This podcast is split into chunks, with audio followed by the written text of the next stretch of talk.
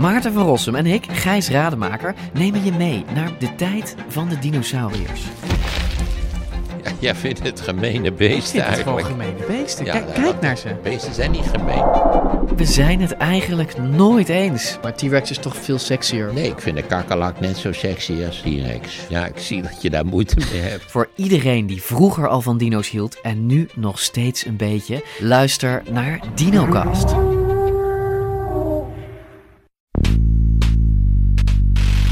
Ik vind het ontzettend suf. Eh, maar het is, het is toch echt geen House of Cards. Dit is Betrouwbare Bronnen met Jaap Jansen.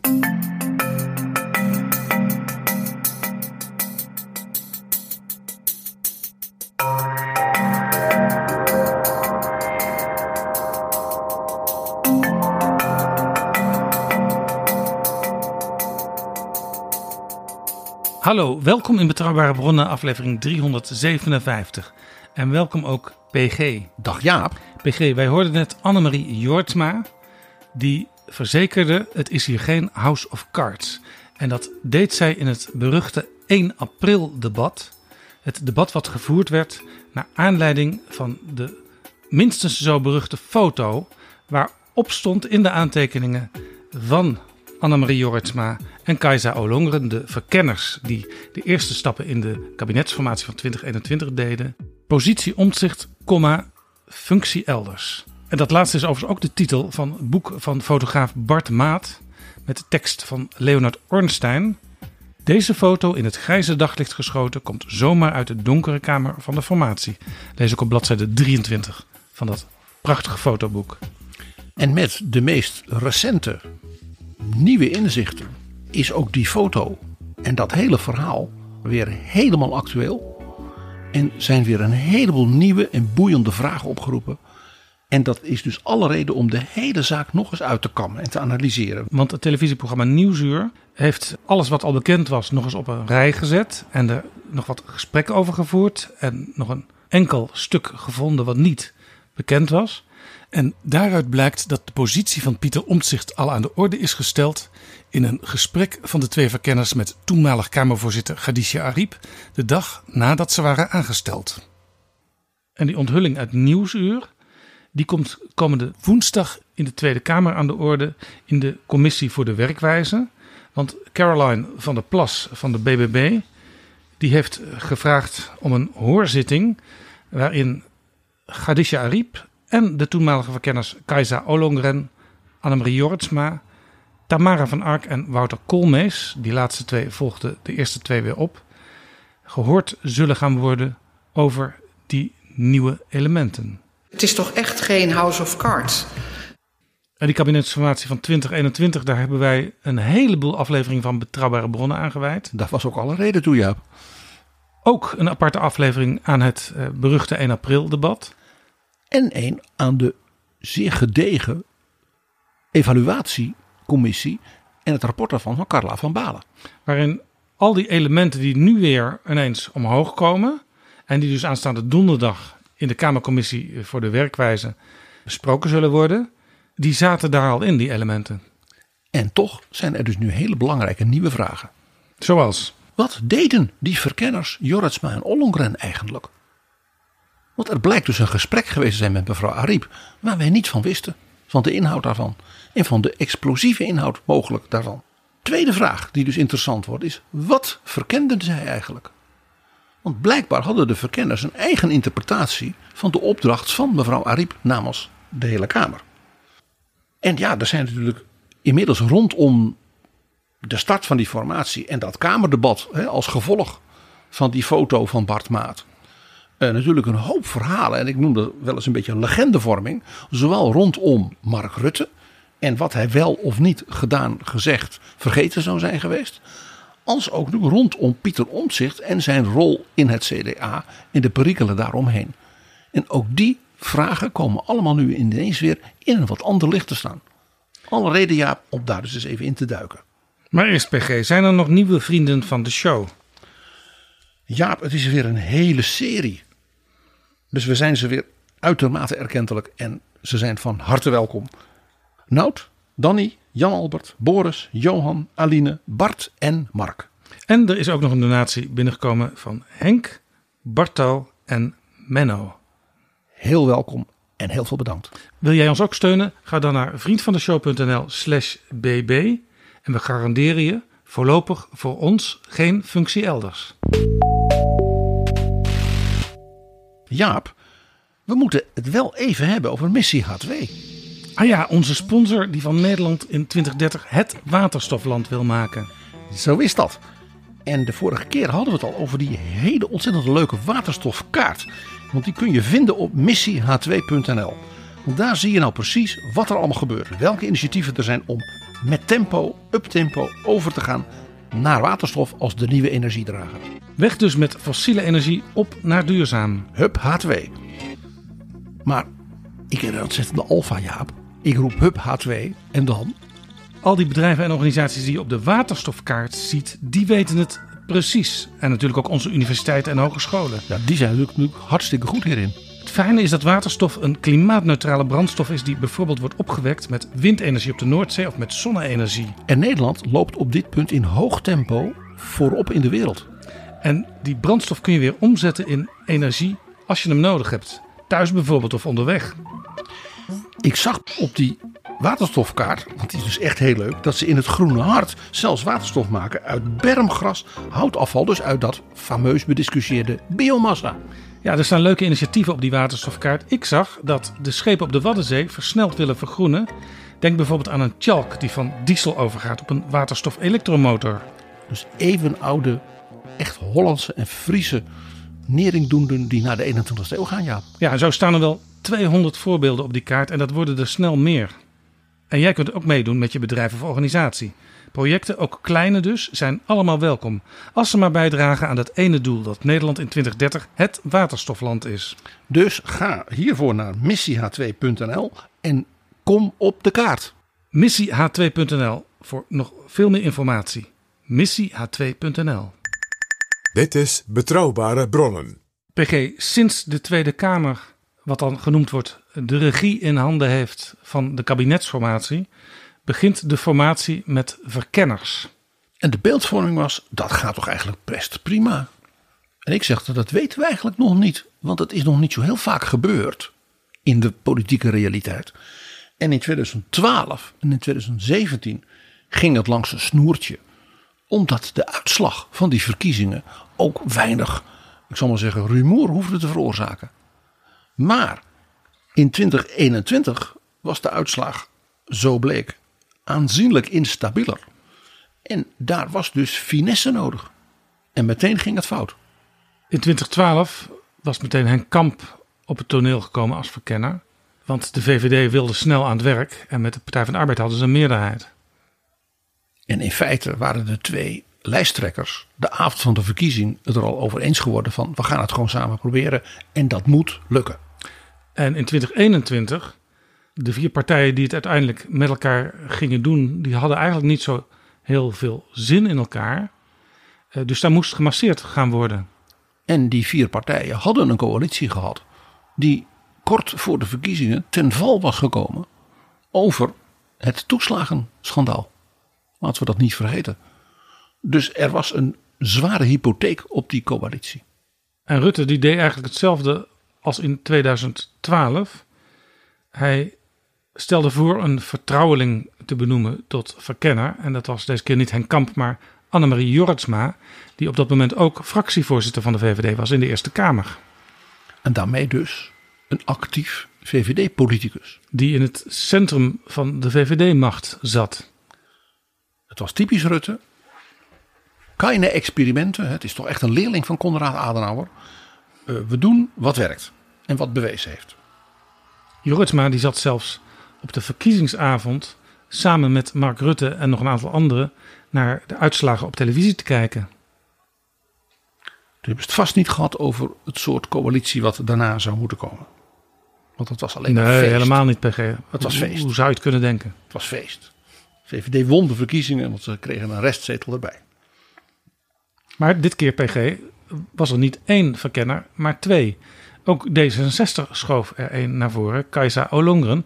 eh, in het kabinet daarvoor de minister van Binnenlandse Zaken. En vicepremier. Dus ook net als mevrouw Jorritsma, iemand niet op afstand van de macht en de partij, maar in het absolute centrum ervan. En het was dus hoogst opmerkelijk dat D66 in een soort winning mood dacht van dan hebben wij ook recht op een verkenner. Alsof de verkennersfunctie een soort beloning voor electoraal succes was. Ja, in het verleden zijn er wel informateursduo's geweest, maar dat was niet in die allereerste fase.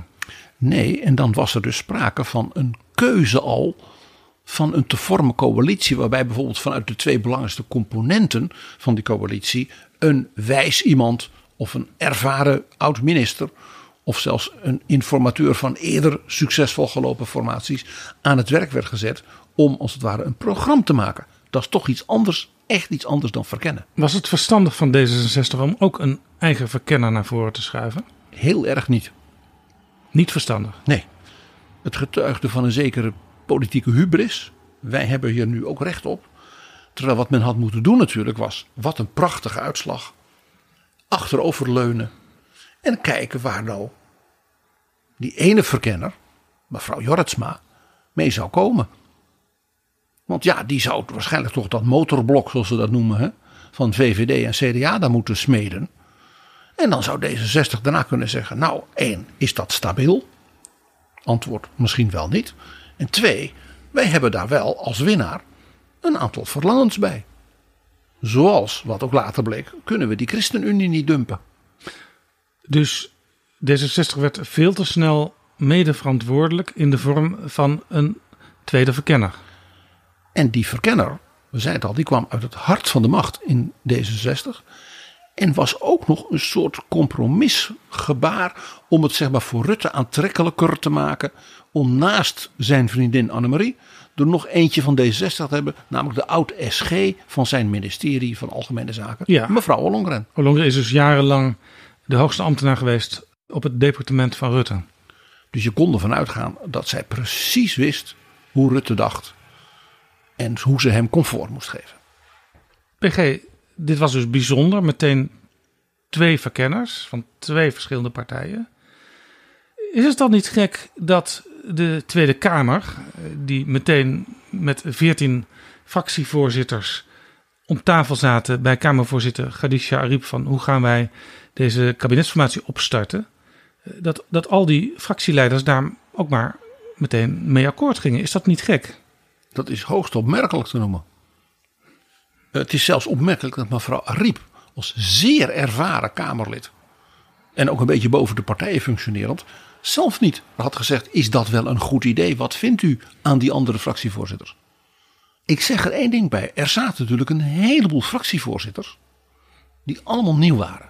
Ja, bijvoorbeeld Wopke Hoekstra, Laurens Dassen, Caroline van der Plas, allemaal relatief nieuwe mensen.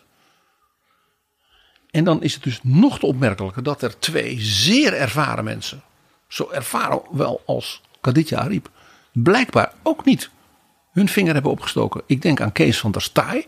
Als het gaat om staatsrechtelijke finesses, risico's, de zaak goed gefocust houden, is dat helemaal zijn ding, zou je denken. En natuurlijk de door en door ervaren Machiavellist Geert Wilders. Ja, want er waren toen drie Kamerleden die het langst Kamerlid waren. En dat waren deze drie. Ariep, Van der Staaij en Wilders. En alle drie dus mensen met een zeer geprononceerde en dus ook relatief hoge functie in die Kamer. Van der Staaij, hoewel een kleine fractie, maar toch een beetje het staatsrechtelijk geweten. Wilders natuurlijk als een van de meest gehaaide politici. En Ariep als een van de meest ervaren, ook bestuurlijk denkende politici. Ja, en als zij dus met z'n drieën of individueel vragen hadden gesteld en bezwaren hadden neergelegd, dan was dat voor in ieder geval delen van die vergadering waarschijnlijk een reden geweest om er nog eens extra over na te denken. Om wakker te worden. Zou het kunnen dat bijvoorbeeld Geert Wilders dacht. Oh, dit lijkt me prima. Twee van die liberale dames. Dan weet je bijna zeker dat het gedoe wordt. Ik hou mijn mond. Maar Van der Staaij van de SGP, die kan dit soort gedachten natuurlijk niet hebben, PG. Dus die heeft een kleine blackout gehad. Nou, dan komt natuurlijk de volgende vraag, Jaap. Dus die fractievoorzitters die hebben tegen mevrouw Riep gezegd... ja, ga maar praten met die twee dames. Namens ons. Wie heeft toen de opdracht geformuleerd aan die verkenners? Want dat was dus een andere opdracht per definitie als je er twee hebt... dan wanneer je het aan één vraagt. Waarom zou dat een andere opdracht moeten zijn? Omdat ze met z'n tweeën dan ook samen nog het ergens over eens moeten worden. Het is anders wanneer je één iemand vraagt: zou u dat willen doen? dan twee. Dat blijkt ook uit dat advies van die evaluatiecommissie onder leiding van Carla van Balen. Zegt Cenk Willink daar niet iets van, Jaap? Cenk Willink zegt in het eh, evaluatierapport: een duo in de verkennende fase moet je helemaal nooit doen. Als er iemand ervaring heeft met dit soort processen, dan is dat Herman Cenk Willink. En in het rapport van de commissie van Balen staat ook nog: slechts een enkeling vond een duo bij nader inzien zo gek nog niet, met het oog op de werkverdeling en het elkaar kunnen aanvullen. Slechts een enkeling. Precies dus wat ik zei. De opdracht die bevat dus dan onmiddellijk bij twee. Ja, wie gaat dan wat doen? En worden ze het wel samen eens? En ja, dus je begint al politiek ingewikkeld, zelfs misschien compromissen nodig te maken. Terwijl je dat in een verkenningsfase vooral niet wil hebben. Je wil dan vooral van een, hè, wat ik dan wel eens zeg, een wijze geit. Die eens even rondkijkt bij de juiste, in het gesprek, het juiste woord van aarzeling. Of dat hoort en dan zegt, pak het zo aan. Of vraag dan die informateur en niet die. Nou, we weten dus nu dat er een gesprek is geweest, zoals altijd. En dat is vaak een wat technisch, formeel gesprek. Hè? De verkiezingsuitslag, generiek. Hoeveel tijd, denkt, hoeveel tijd zullen we denk ik nodig hebben? Meer niet. Een Nee. gesprek tussen de opdrachtgever, in dit geval mevrouw Ariep. En dus die beoogde verkenner. En nu waren het er twee. Ja, en die verkennende fase die is ingesteld nadat de Kamer eh, de regie in handen kreeg. Maar ook vanuit het idee, de echte uitslag, de definitieve uitslag van de verkiezingen, dat duurt een kleine twee weken voordat die er is. En die tijd moet overbrugd worden. En in die periode worden ook de nieuwe Kamerleden beëdigd. En eh, dwarrelt het stof neder van de verkiezingsuitslag. komt bijvoorbeeld nog naar voren of er een zeer populaire regionale kandidaat er met voorkeurstemmen in is gekomen en dergelijke. En Nieuwsuur heeft onthuld dat een dag later nog een gesprek plaatsvond van de verkenners met Ariep. En in dat gesprek, dat weten wij nu, heeft mevrouw Jorritsma een explosief punt ten aanzien van de mogelijke uitslag van de verkiezingen gewoon op tafel gelegd tegenover, dus met name mevrouw Ariep, maar in zekere zin ook tegenover mevrouw Ollongren. Want één ding is duidelijk, die wist dit niet. Nee, hier ga ik even terughalen het rapport van de commissie van Balen. Want daarin stond al dat er zorgen waren over het CDA in die eerste dagen van de kabinetsformatie. Ik lees voor. De twee verkenners hadden zich voorgenomen om naast het verkennen van mogelijke coalities de verkenningsperiode en de gesprekken ook even te gebruiken om rust te brengen in dat proces. Het was daarbij volgens hen toch wel heel duidelijk dat het CDA een soort speelfunctie moest hebben in de coalitievorming. We wilden dus ook kijken of we daarin wat verder konden komen, citeert het rapport. En dit zeiden de verkenners op hun allereerste persconferentie na het gesprek met Kamervoorzitter Ariep. Nee, ik, kijk, wij zijn gevraagd om, om te verkennen. hè. Dus ik vind wij moeten ons eh, eh, heel dienstbaar opstellen en goed luisteren Zeker. naar wat de, de nieuwe fractievoorzitters eh, eh, ons melden. Dat leek dus duidelijk, maar inmiddels weten we, dankzij Nieuwsuur, meer. Want Nieuwsuur heeft de hand weten te leggen op de aantekeningen van een ambtenaar van het tweede gesprek een dag later met de Kamervoorzitter. Dit zijn de aantekeningen die een ambtenaar maakt van dat gesprek. Daarin staat dat men bezorgd is over het CDA en dat er wordt getwijfeld aan de haalbaarheid van de deadline voor de verkenners. In een vertrouwelijk document staat dat Annemarie Jorritsma zich zorgen maakte over Pieter Omtzigt. Ze noemt hem een probleem, onhoudbaar. en daarom een risicofactor voor de stabiliteit van het kabinet. Blijkbaar was het zo dat men had gezegd: ja, wij zijn eigenlijk zeer bezorgd over de mogelijke impact van de nog onbekende einduitslag van de Tweede Kamer voor de stabiliteit en de coherentie van het CDA. Dus blijkbaar was daar een scenario dat vreesachtig was en angst opriep dat er ongeveer als volgt uitzag.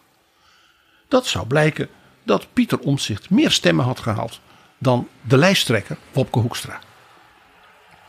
Wat zou het CDA dan kunnen doen? Had men dan Wopke Hoekstra als fractievoorzitter gevraagd zich terug te trekken? Dat er iemand anders fractievoorzitter zou worden? Of wat misschien logischer was, dat men had gezegd: ja, hoe dan ook moet je dus nu omzicht wel als co-onderhandelaar in die formatie aan het werk zetten. De gedachte om al zeg maar, in de allereerste fase van de kabinetsformatie met Pieter Omzicht als onderhandelaar te zitten, was voor Mark Rutte denk ik een klein beetje een nachtmerrie. Daarbij kwam nog het punt, men wist Pieter Omzicht was overspannen, had een burn-out. Dus hoe lang zou hij uit beeld zijn? Of zou hij terugkomen na een korte tijd in die fractie? Zou dat een stuurloze, gezagsloze fractie zijn met een fractieleider of een nummer 1 van de lijst die minder stemmen had dan de nummer 2 die thuis zit? Wat zou men hebben gedaan als Wopke Hoekstra had gezegd: ja, met deze uitslag trek ik mij terug als CDA-leider. Uh, ik neem mijn verantwoordelijkheid. Uh, ik blijf nog wel aan als demissionair minister van Financiën. Maar nu moet een ander het maar overnemen. Ja, wie had dat dan moeten doen? Pieter Heerma, de secondant. Uh, Mona Keizer. waarvan niet iedereen misschien dacht dat het een geleidprojectiel was. Of Raymond Knops, maar ja, die was geflopt als campagneleider van het CDA. Of een van die heel nieuwe mensen in die fractie. Ja, je kunt zeggen van vanuit deze angst was er wel reden om even af te wachten wat de definitieve verkiezingsuitslag zou zijn, ook binnen het CDA. Maar het is natuurlijk opmerkelijk dat mevrouw Jorritsma dit in feite dus gewoon zo, ik zal maar zeggen, ongegeneerd op tafel legde. En daarbij dus ook oordelen had over, ik zal maar zeggen, het karakter en de politieke toekomst van een Kamerlid van een fractie waar zij in afval geen lid van was. Ik denk dat het nog iets als vraag oproept. Wanneer wist mevrouw Ollongren eigenlijk dat ze verkenner zou worden? Ik denk dat ze dat op dat moment pas heel kort wist. Dus dat D66 pas in de loop van die verkiezingsavond, toen die uitslag zo prachtig was, hè, sprong op de tafel, want het waren wel 27 zetels, het werden uiteindelijk 24. En dat men dacht, dan hebben wij daar recht op. Ja, en voor de VVD was natuurlijk ook het idee van hoe gaan we dit nu aanpakken? Want dit is best een ingewikkelde verkiezingsuitslag. Uh, het lijkt mee te vallen, want de oude coalitie had een meerderheid. Was zelfs groter. Maar ja, ze waren nou niet elkaars uh, beste vrienden gebleken gedurende die vier jaar. En twee partijen in de coalitie, de ChristenUnie en vooral het CDA, hadden natuurlijk een hele bittere uitslag. Ja, de ChristenUnie stond zelfs op het punt om helemaal niet meer mee te willen regeren. En één ding was duidelijk, dat bleek dus ook uit die interventie van mevrouw Jorritsma impliciet, dat de VVD zich eigenlijk niet kon voorstellen dat er een, zeg maar, succesvolle, goede, vlotte formatie mogelijk zou zijn als het CDA niet zeg maar bij zinnen was gekomen. En ja, die uitslag met die mogelijke, dat mogelijke angstvisioen van die hè, omzicht groter dan Hoekstra, was daar natuurlijk een doem blijkbaar in de gedachten van de VVD. Ja, het CDA had zetels verloren, maar de VVD kijkt altijd naar het CDA eh, sowieso als partner. Maar ook als VVD zonder het CDA regeert, dan wordt het CDA angstvallig in de gaten gehouden. Want ja, eh, vaak is het zo, als de ene partij uh, het niet goed doet, dan doet de andere partij het wel goed. Dus het is ook echt een concurrent en die kun je maar beter in de buurt houden. Keep your friends close, keep your enemies closer. De reactie van mevrouw Ariep weten wij dankzij die ambtenaren nu ook. Want mevrouw Ariep was alert. En had een leuke dosis politieke humor. Kamervoorzitter Ariep is daarover verbaasd. Zij is als populaire nummer 2 bij de PvdA toch ook geen probleem. In aantekeningen van een ambtenaar die bij dat gesprek is, lezen we dat terug. Ja, ik vind dit dus echt een hele goede grap van Kaditja Arep. Die zet dus Annemarie Jorritsma een beetje op de nummer. Want die zegt, ja, u zit hier voor een ook heel populaire nummer 2 op de lijst. En uh, hè, dus Ariep zei met een soort knipoog: wie weet dat ik over zoveel dagen hoor dat ik wat meer stemmen had dan Lilian Ploemen. Ook geen probleem. Of Ja. dat laatste geval, het geval zou zijn, weten we niet. Maar die opmerking van Ariep was instrumenteel aan haar conclusie. Van we moeten hier maar verder niet te lang bij stilstaan bij deze mogelijkheid. Dus zij dacht door met deze zeer relevante, maar goede grap. Deze opgewonden eh, toestanden van mevrouw Jorritsma uit het gesprek te tikken.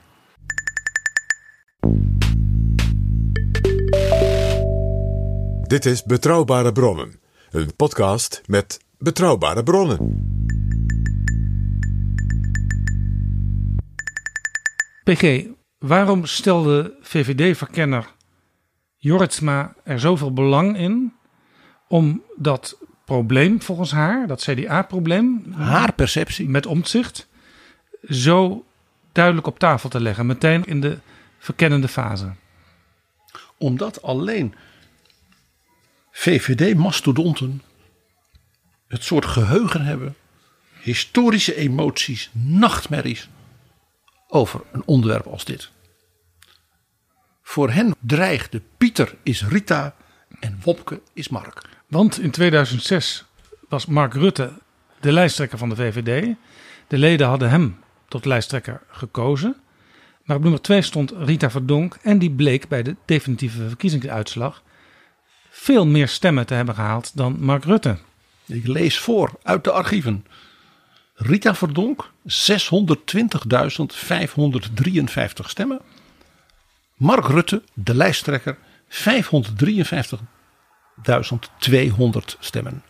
Dus een verschil van bijna 70.000 stemmen. De kiezer heeft gesproken. Nummer 2 op een lijst heeft meer voorkeurstemmen gehaald dan nummer 1. En het is een unieke situatie. Dit had dus bij het CDA zomaar ook kunnen gebeuren. Dat was blijkbaar de angst, obsessie uit dat verleden in VVD-kring. Want om zich bleek populair te zijn bij de CDA-leden. Hij verloor nipt van Hugo de Jonge de strijd om het lijsttrekkerschap. Uiteindelijk werd Wopke Hoekstra de definitieve lijsttrekker. Dat voert nu te ver om die hele geschiedenis weer op te rakelen.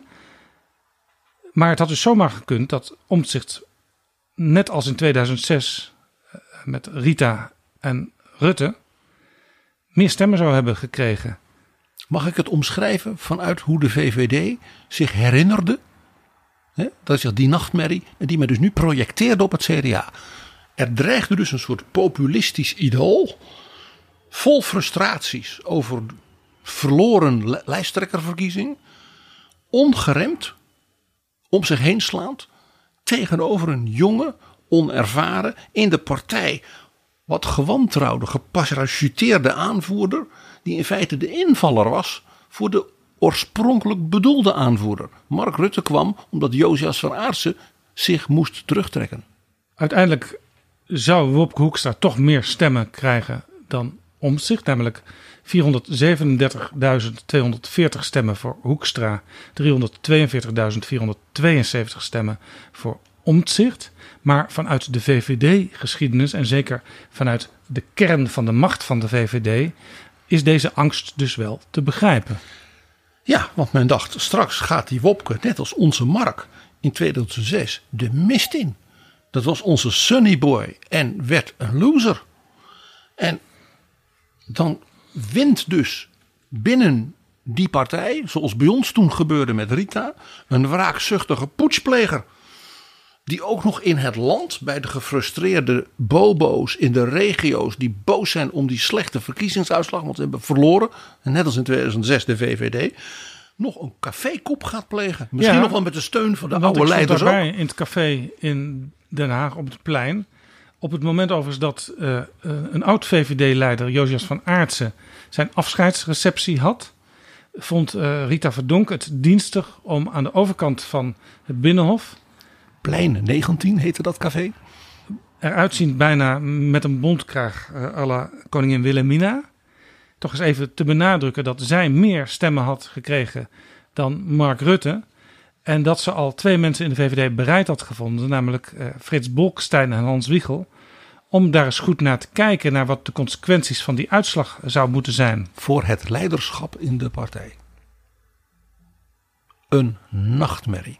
En die werd dus nu vanuit de VVD, zeg maar de inner inner circle, geprojecteerd op het CDA. En als men dus enigszins nuchter was geweest en rustig had verkend met één iemand bij voorkeur, was dus gebleken dat er allemaal niks aan de was. Wat betreft die uitslag. Hoe bitter die voor de Christen-Democraten verder ook was.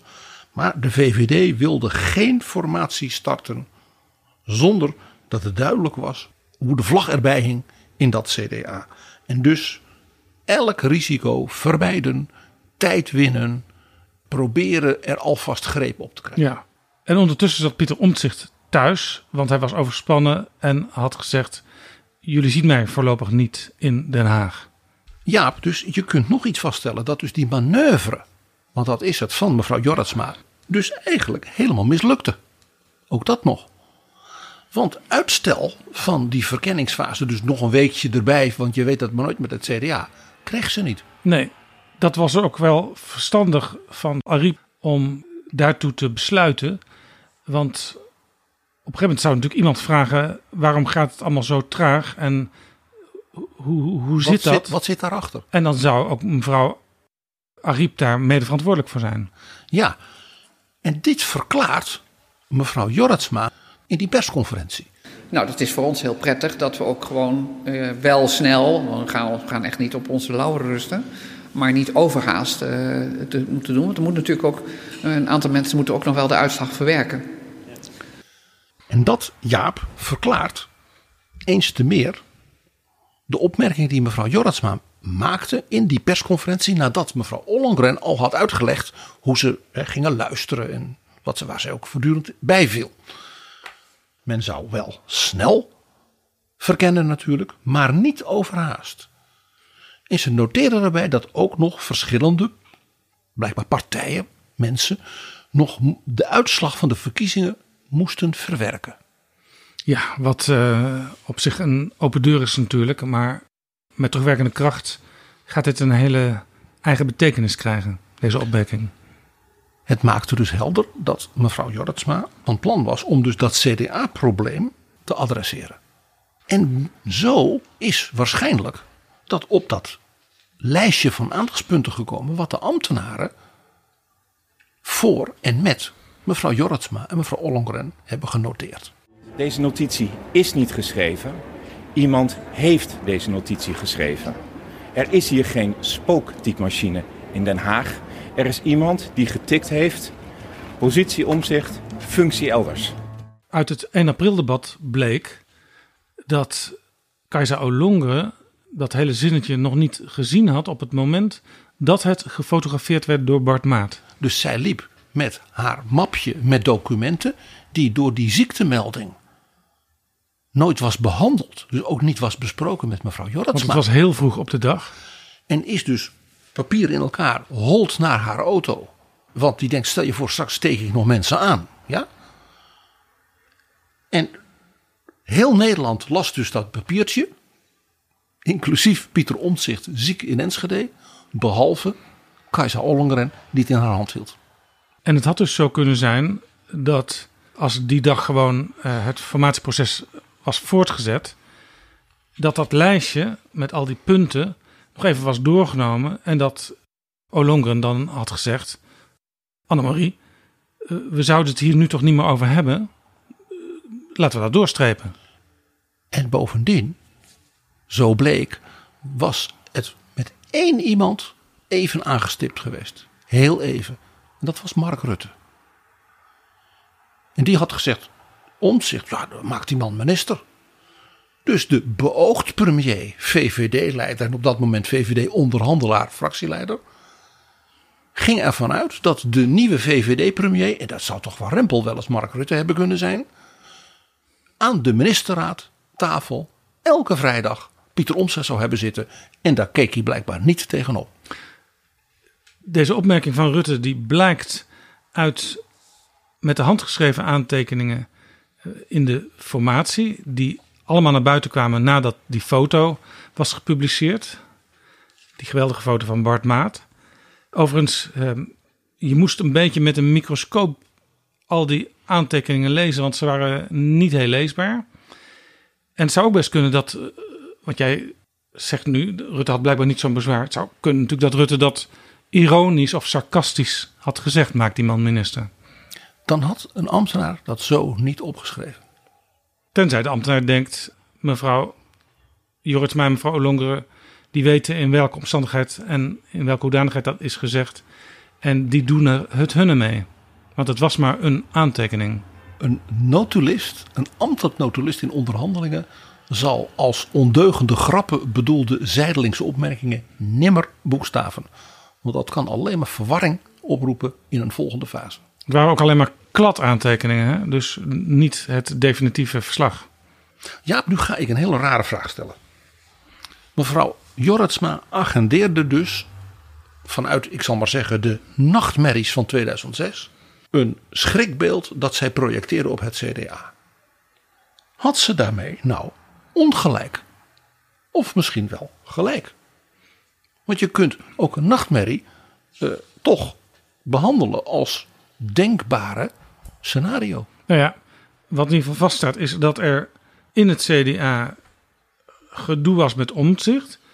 Dat er gedoe was in de politiek rond omzicht. Het kabinet Rutte 3 was natuurlijk gevallen in de aanloop naar de verkiezingen door de toeslagenaffaire waarin de persoon Pieter Omtzigt meer dan de CDA-fractie van Pieter Omtzigt een focus was geweest. En dat het voor de hand lag dat Omtzigt bij de verkiezingen heel veel stemmen zou hebben gehaald. Dat was te verwachten. Hij voerde ook een min of meer eigen campagne bijna los van die van lijsttrekker Hoekstra. Wat Rita Verdonk in 2006 ook had gedaan naast de campagne van Mark Rutte. Dus die nachtmerrie van mevrouw Jorritsma, die had zeg maar in de liberale geheugens uh, natuurlijk wel hier en daar een worteltje. En toch had ze gelijk, het eerste antwoord is nee. Want wat zij natuurlijk deed, was een tamelijk klassieke politieke fout. Helemaal als je dus in een verkennende fase bent. Want wat zij deed, is dat zij dus een intern probleem, of wellicht intern probleem binnen het CDA, tot eigendom van de VVD maakte. Zij maakte er een VVD-probleem van door tegen mevrouw Riep te zeggen: Ik denk dat we deze formatie on hold moeten zetten of zoiets. Uh, dat vind ik namelijk vanuit de VVD. Het was niet Wopke Hoekstra die erom vroeg. In een gesprek met een verkenner. Het was een nog nauwelijks benoemde verkenner die het agendeerde. Er is nog een tweede reden waarom het dus niet verstandig was. Om maar zo te zeggen. Ze had dus niet gelijk om dit te doen. Zij maakte, doordat nu mevrouw Ollongren haar collega verkenner was, onverhoeds D66 mede-eigenaar van dit probleem. En het bleek al uit die persconferentie dat mevrouw Ollongren liet blijken daar niet zo'n behoefte aan te hebben. Nee. Die wou vooral heel goed luisteren. Die wou vooral niet dit soort dingen agenderen, dat was duidelijk. Nee, ik, kijk, wij zijn gevraagd om, om te verkennen. dus ik vind wij moeten ons uh, heel dienstbaar opstellen en goed luisteren Zeker. naar wat de, de nieuwe fractievoorzitters uh, ons melden. En dat maakte dus ook daarmee, toen dus mevrouw Ollongren, mede door die foto hè, en die tekst die ze niet gelezen had, dat is de tragiek hiervan.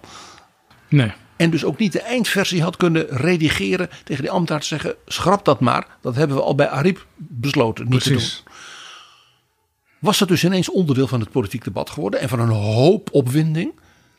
En was dus de D66-aanvoerder in de Tweede Kamer, geheel nieuw, ook als fractieleider, geheel nieuw, Sigrid Kaag, ineens dus in een hele rare situatie. Want ze was een soort mede-eigenaar, dankzij Annemarie Jorritsma, van dit probleem.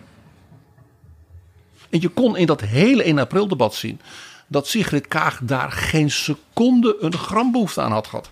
Dus dit bewijst al de opmerking van Herman Tjek Willink. Een duo in de verkennende fase moet je helemaal nooit doen. Dit wijst op nog iets waarom de, zij dus geen gelijk had. dit te doen bij Ariep. Een verkenner moet natuurlijk nooit solistisch gaan opereren. Dat iedereen denkt, wat doet die verkenner? En ik kan hier, ga je een voorbeeld bij geven waarvan jij denkt, oei PG. Ik denk nu even aan Ruud Lubbers in 2010. Die werd gevraagd, zeer moeilijke situatie in de kabinetsformatie. En die ging wat losjes praten over zijn gesprekken met de koningin. Dat de koningin ook zorgen had. Ja, dit was de kabinetsformatie die uiteindelijk zou leiden tot de gedoogconstructie van VVD-CDA met de PVV, Rutte 1. En waarvan iedereen die Ruud Lubbers een goed hart toedroeg, zei: Ruud is niet meer helemaal slipvast. Want hij eh, ging eigenlijk citeren uit gesprekken met toen nog koningin Beatrix, wat, wat natuurlijk uh, totaal niet comme il faut is. Nee, want de bedoeling juist van zo'n verkenner of informateur namens de koning is dat de koning buiten beeld blijft. En niet juist met een spotlight er nog ingetrokken En dat de koning mede op basis van de conclusies van zo'n verkenner de volgende fase inluidt. En daarin geheel onomstreden boven de partijen en geprezen wordt om haar of zijn wijsheid. Ja, soms zelfs wel eens afwijkend van wat zo'n verkenner adviseert als het ingewikkeld is. Maar daarvoor heb je je adviseurs als koning. Dus solisme in een verkenners- of informatorenrol is dus funest. Want stel je nou voor, ga eens op de stoel van Mark Rutte zitten. Die werd dus geconfronteerd, mede door die foto, dat blijkbaar zijn partijvriendin Jorritsma dit had geagendeerd. Als die zou hebben gezegd, ja, Annemarie doet natuurlijk nooit iets zonder goede afstemming met de VVD-top. Dus met mij. Dan was natuurlijk, waren de rapen helemaal gaar geweest. Ja. Oh, dus mevrouw Jorritsma heeft bij Ariep in opdracht van Rutte goed afgestemd. Ja, dat is een goed lopend politiek apparaat, die VVD tenslotte. Daarom heeft ze dat gedaan. Dus Rutte kon, kon nooit erkennen, zelfs als het waar zou zijn, dat hij die opdracht had gegeven en dat had aangestuurd. En dus werd hij bijna gedwongen te zeggen: Ik herinner me helemaal niet dat er over omzet is gepraat. Ja, want als hij er al te open over zou zijn, dan zou ook al snel de camera richting Jorritsma draaien. Heeft u zich door de heer Rutte laten sturen? En als zij dan had gezegd: Nee, dat heb ik helemaal zelf bedacht, dan was de zaak nog meer ontploft. Bronnen vertellen Nieuwsuur dat met name Jorritsma er heel politiek in zat. Meerdere mensen noemen haar onhandig en een flap uit. Maar wat ook had gekund was dat zou hebben gebleken dat Jorritsma erover begonnen was. En dus Rutte op een gegeven moment wel gedwongen was om er iets in antwoord op te zeggen. En dat is waarschijnlijk wat er gebeurd is, Jaap. Want dat verklaart waarom Rutte had gezegd: Nou, maak die man minister. Dat was toch helemaal niet iets voor hem om in het allereerste gesprek over te beginnen als VVD-leider. Nee. Je zegt misschien eerder van: Ik wil alsnog dat de afschaffing van de dividendbelasting op de agenda ja, komt. Maar dat was het, het, het, het, allerergste wat hem is overkomen de afgelopen jaren. Liet hij vorige week nog weten in ja, het Kamerdebat. Ja. Dus dat hij daarover begon en, en dat vergeten was, kwam omdat het blijkbaar Jorritsma was geweest die erover begon. En misschien, ik denk zelfs dat Ollongren daarbij haar had gekeken, want daar zouden we het toch niet over hebben. Dus drie redenen waarom ik zeg, Jorritsma had geen gelijk dit te doen. Eén, ze maakte omzicht een VVD-probleem. Twee, ze maakte omzicht daarmee ongevraagd ook nog een D66-probleem. En drie, ze bracht Mark Rutte in een onmogelijke situatie, waardoor merkwaardig genoeg alle pijlen en alle camera's zich vervolgens in de dagen na op Mark Rutte, haar politiek aanvoerder, ging leiden. En Jaap, om een andere reden had ze natuurlijk wel gelijk. Zij zei het al. Er was een intern CDA-probleem. En als verkenner doe je er natuurlijk goed aan dat vooral daar te laten zitten. En te zeggen, bij wijze van spreken, als het aan de orde zou komen. Ik neem aan dat u dat onderling, dat u daar goed uitkomt. En we hopen dat de, de heer Omtzigt weer snel gezond is. En dat het hem goed gaat. En je zag dus ook in dat 1 april debat. Dat dus die CDA-fractie met haar heel nieuwe fractieleider. Die nog nooit uh, Tweede Kamerlid was geweest. Wopke Hoekstra. Volledig overrompeld was en ook onvoorbereid. Hier had men zich natuurlijk ook niet op kunnen voorbereiden. Nee, en weinig geheugen. Behalve dan mensen als Ariep en Wilders en Kees van der Staaij. Waren er heel veel nieuwe fractievoorzitters van heel veel partijen die allemaal het woord wilden voeren in die spannende allereerste vergadering waar ze aan deelnamen. En de lijn van de CDA-fractie van Wopke Hoekstra was natuurlijk een heel heldere. Men had collega Pieter gezien toen hij uh, de eet aflegde. En daarna meteen weer naar huis ging. En men heeft hem natuurlijk het allerbeste gewenst. En veel lieve groeten aan Iver en zijn dochters. En vervolgens had men natuurlijk onderling gezegd: we gaan maar één ding doen. Laat die man alsjeblieft gezond worden. En als dat lang duurt, het zal wel. Hè, er werd voortdurend onze Pieter. Hè, wij steunen onze Pieter. Waarmee men het ook vooral heel onpolitiek wilde houden. Ja, maar de conclusie is dus, PG, dat verkenner Annemarie Joritsma het volkomen verkeerd heeft aangepakt. Zij heeft, ik neem aan onbedoeld, en door die foto van Bart Maat natuurlijk niet alleen de situatie in het CDA volledig op zijn kop gezet en verlamd. Want vanaf dat moment was die fractie verlamd. Maar zij heeft natuurlijk ook de positie van Mark Rutte zwaar beschadigd.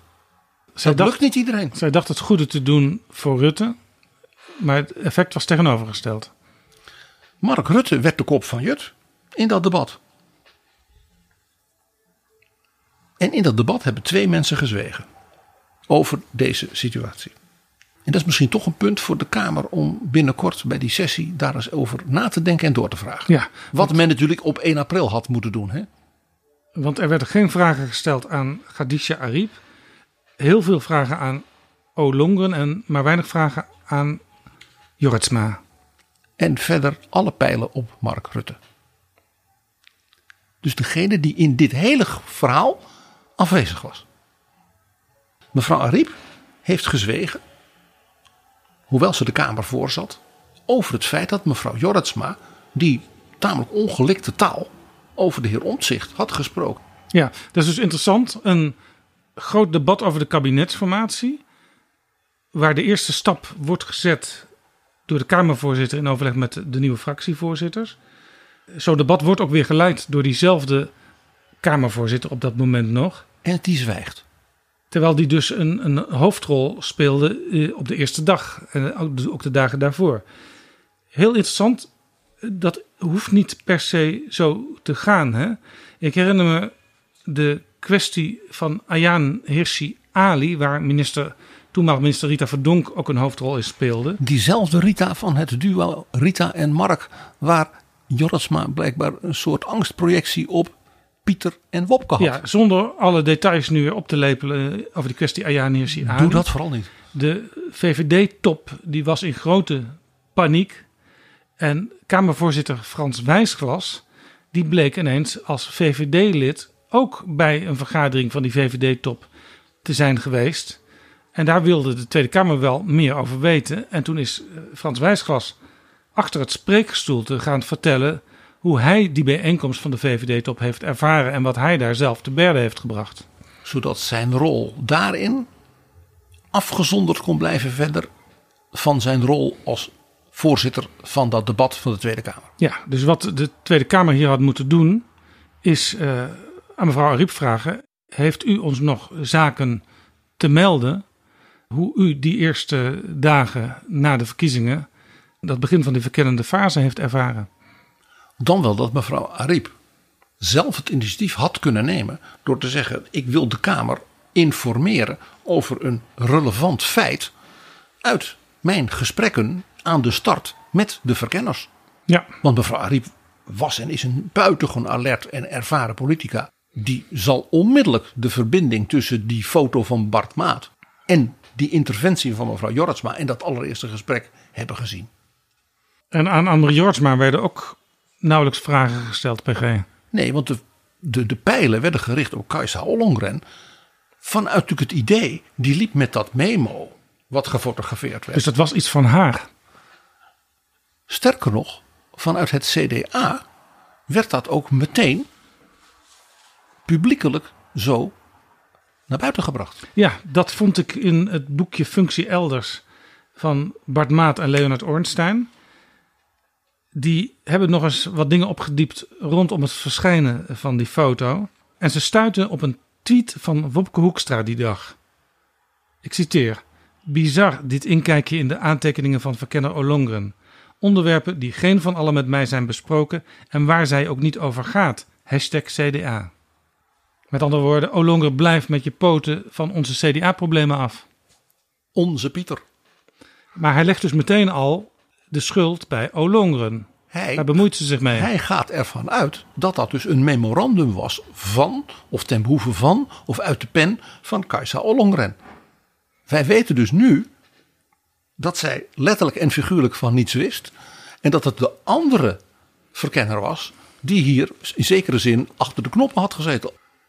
Maar Wopke Hoekstra, ik zei al, onervaren als fractieleider, had dus die, ik zou maar zeggen, die scenario-optie natuurlijk op dat moment, ook ik denk in de emotie rondom omzicht, natuurlijk niet scherp. En mevrouw Jorisma dacht, ik zeg niks, want ze vragen er niet naar. Nee, ze- die straalde ook heel erg uit, Jorritsma, in dat Kamerdebat van 1 april. Van eh, hoe lang gaat dit nog duren? Ik wil naar huis. Ik wil andere dingen gaan doen dan hier in de Tweede Kamer zitten. En wat ik ook wel heel grappig vond, ze heeft ook heel lang daarna, ook nog weer in interviews, als hiernaar gevraagd werd, dan begon ze een ongelooflijk empathisch en warm menselijk verhaal over die arme, arme Kajsa Ollongren. Ze was zo ziek en dan werd ze gefotografeerd met die foto. Dat kon zij toch ook niet helpen. Ik vind het vooral voor haar heel zielig, zei ze. En het was helemaal geen House of Cards. Weet je nog, Jaap? Het was vooral suf. En zoiets als van, ik ben mijn bril ergens laten liggen. Waar heb ik mijn bril laten liggen? Oh, dat is gebeurd natuurlijk bij het vouwen van de was. Zoiets was het. Ik vind het ontzettend suf. Eh, maar het is, het is toch echt geen House of Cards. Het is echt gewoon suf. Dat wij ons dat niet konden herinneren. Dat had natuurlijk gemoeten. Ehm, en wat dat betreft, ja, toen de nood, maar toen- het is gewoon zo. Er is wel over gesproken. En had ik dat me herinnerd, dan hadden we het onmiddellijk ook opgeschreven, natuurlijk. De heer Van der Staaij. Mevrouw Jorritsma zei ook nog, waarom zouden we het stiekem willen houden? Nou, het antwoord zou kunnen zijn om toe te denken dat je het eigenlijk over dingen hebt gehad waarvan je realiseert, daar hadden we het niet over moeten hebben. Nee, voorzitter, dan moet ik het toch echt tegenspreken. Dat eh, zou ik echt niet eh, willen doen. Bovendien, dat komt altijd uit. Ehm, en ik bedoel, nu is het ook naar buiten. Eh, en, en, en als je er dus over gelogen zou hebben... eh, en het bewust eruit gaan laten hebben... dan komt het ook uit. Dus ik geloof daar niet in. Nou, je zou toch kunnen zeggen eh, dat als je afgetreden bent gelijk, dat je dan geen verantwoording over hoeft af te leggen. En dat, je, eh, dat het normaal is dat er geen uitleg van volgt. Nou, dat, zo hebben wij onze taak niet opgevat. Ik heb direct gezegd dat ik graag bereid was om verantwoording af te leggen. We weten inmiddels beter. Hoi, ik ben Alexander Klupping. Ik weet dat jij, net als ik, met heel veel plezier luistert naar betrouwbare bronnen. Maar je zou Jaap en PG echt helpen als je nu vriend van de show wordt. Dat kan met een donatie, per maand of per jaar. En dan kunnen ze nog veel meer afleveringen maken en zeg nou zelf, dat wil jij ook. Dus ga nu naar vriendvandeshow.nl slash bb. En doe het niet straks, maar nu. Dit hele gebeuren, Jaap, heeft voor twee Nederlandse politici van grote ervaring en politiek gewicht ongelooflijke consequenties gehad. En eerlijk gezegd heb ik wel eens de indruk dat men daaraan voorbij gaat. En dat zijn de heren Omtzigt en Rutte. Want door dit gedoe, die foto en dit Kamerdebat, waarbij dus aan de verkeerde mensen de verkeerde vragen zijn gesteld, was dus de persoon Pieter Omtzigt. Het feit dat hij ziek was, het feit dat het lang duurde voor hij beter werd. Gedoe ja, met mensen in zijn partij werd dus groot nieuws. Alles wat Pieter Omtzigt deed was groot nieuws. Er was een permanent vergrootglas op Pieter Omtzigt. Het laatste wat je moet hebben als je een burn-out hebt. Ja, dat helpt niet. En die andere was Rutte, want... Die werd ineens de aardsleugenaar. Ja, het beeld van alles wat Rutte zegt moet je met een flinke korrel zout nemen.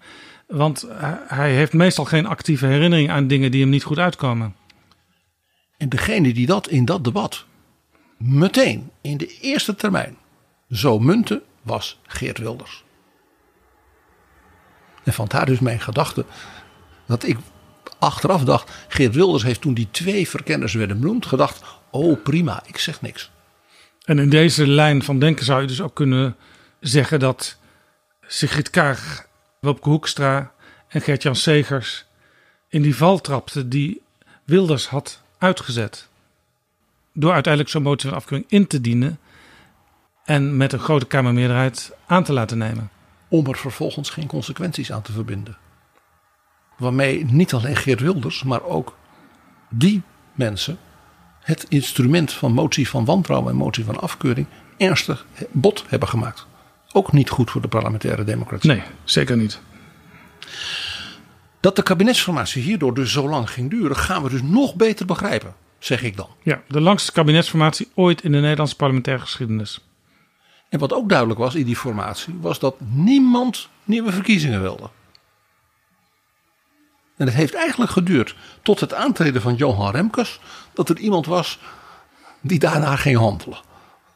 Die heeft gewoon het mes op de keel gezet van ja, we kunnen hier nog rustig twee jaar blijven zitten. Ja, nou ja, je zou kunnen zeggen dat zowel informateur Cenk Willink en informateur Mariette Hamer de tijd namen. En eigenlijk een klassieke formatieproces deden. En dus eigenlijk een beetje deden uh, wat Annemarie Jortsma in de verkenningsfase wilde, namelijk veel tijd kopen. Ja, en een klassieke formatie op de inhoud, waarbij de olifant in de kamer niet werd benoemd. Precies. En dat Remkes gewoon heeft gezegd: kan dat beest niet weg? Want Remkes heeft voor het eerst afgedwongen dat er een coalitie werd bepaald. Ja, die heeft dus gewoon gezegd, zoals ook Nederlands zei, kan dat beest niet weg uit de Kamer. En dat kon toen, want Pieter Omtzigt had inmiddels de CDA-fractie verlaten. Om redenen die niets van doen hadden overigens met 1 april, die foto en wat dan niet. Nee. En zo heeft dus het vertrek van Omtzigt uit de CDA-fractie Rutte 4 mogelijk gemaakt.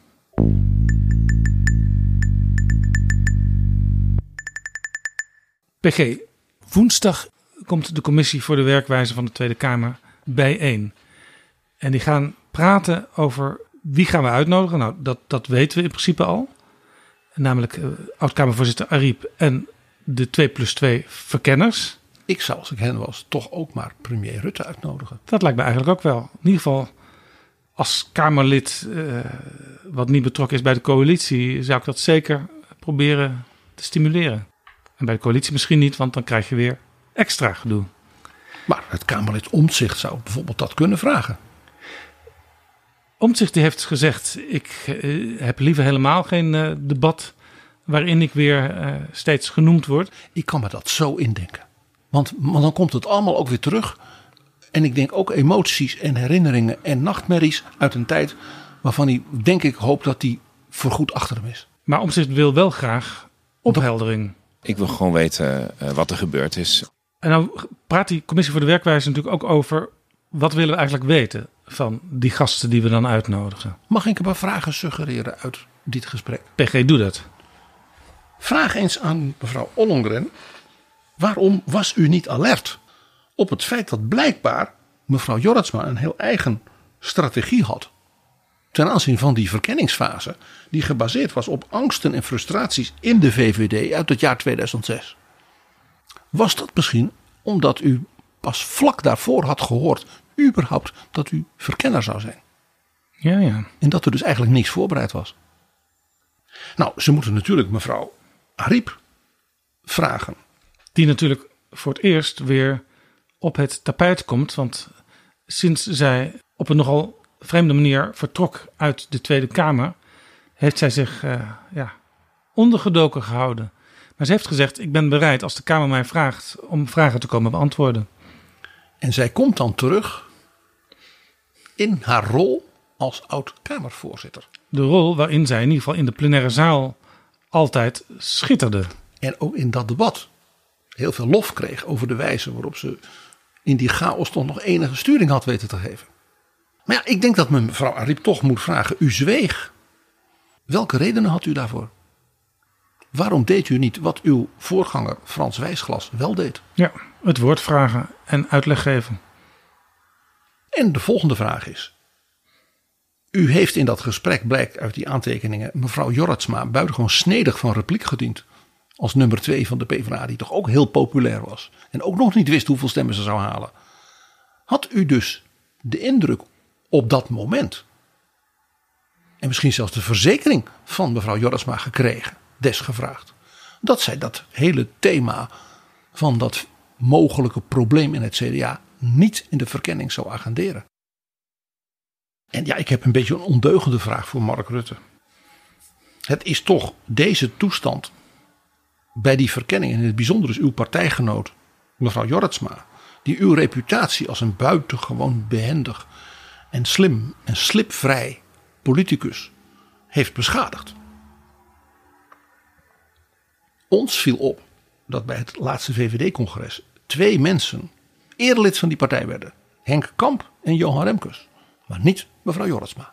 Terwijl dit nou juist een moment was geweest. Jorritsma vertrok uit de Eerste Kamer. En dat wordt dan toch algemeen beschouwd als uh, het einde van je actieve politieke loopbaan.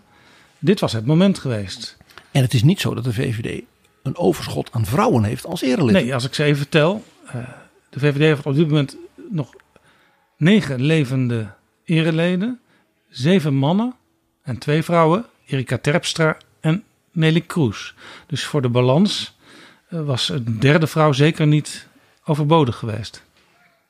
Ik vind het ontzettend suf. Uh, maar het is, het is toch echt geen House of Cards. Het is goed dat mevrouw Jorritsma zelf inzag dat je voor het soort politieke regie als de schrijvers van zo'n dramaserie eerst een Brits en daarna Amerikaans wel even meer politiek vernuft in huis moet hebben. Geen House of Cards. Maar dan wel een hele slechte komedie, Jaap. Dankjewel, PG.